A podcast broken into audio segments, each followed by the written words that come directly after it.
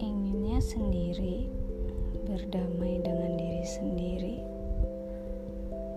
meluapkan semua kekecewaan, kemarahan, dan ketidakadilan.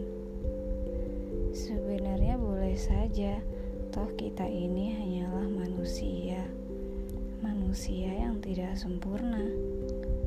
Mungkin kita ingin marah tentang banyak kejadian yang membuat kita marah, seperti contohnya kita banyak dikecewakan oleh orang, entah itu teman, pacar, bahkan orang lain yang bahkan terlalu ikut campur. Hmm, tapi terkadang aku bisa tiba-tiba menangis jika seperti itu. Cengeng bukan? Aku pernah berpikir kenapa orang banyak mengecewakan.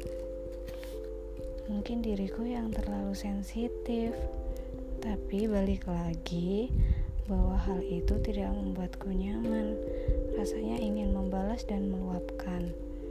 Tapi lagi-lagi, jika digambarkan sebagai sebuah tokoh, mungkin aku ini adalah pemeran protagonis yang berharap biarkan saja mereka yang membuat kekecewaan, kekesalan, memanen sendiri perilakunya.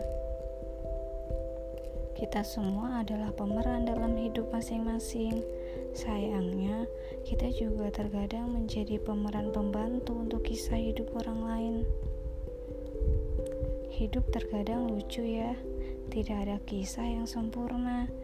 Kepada hidup yang menawarkan banyak rasa, sedih, senang, bahagia, kecewa, marah, bersyukur. Terima kasih.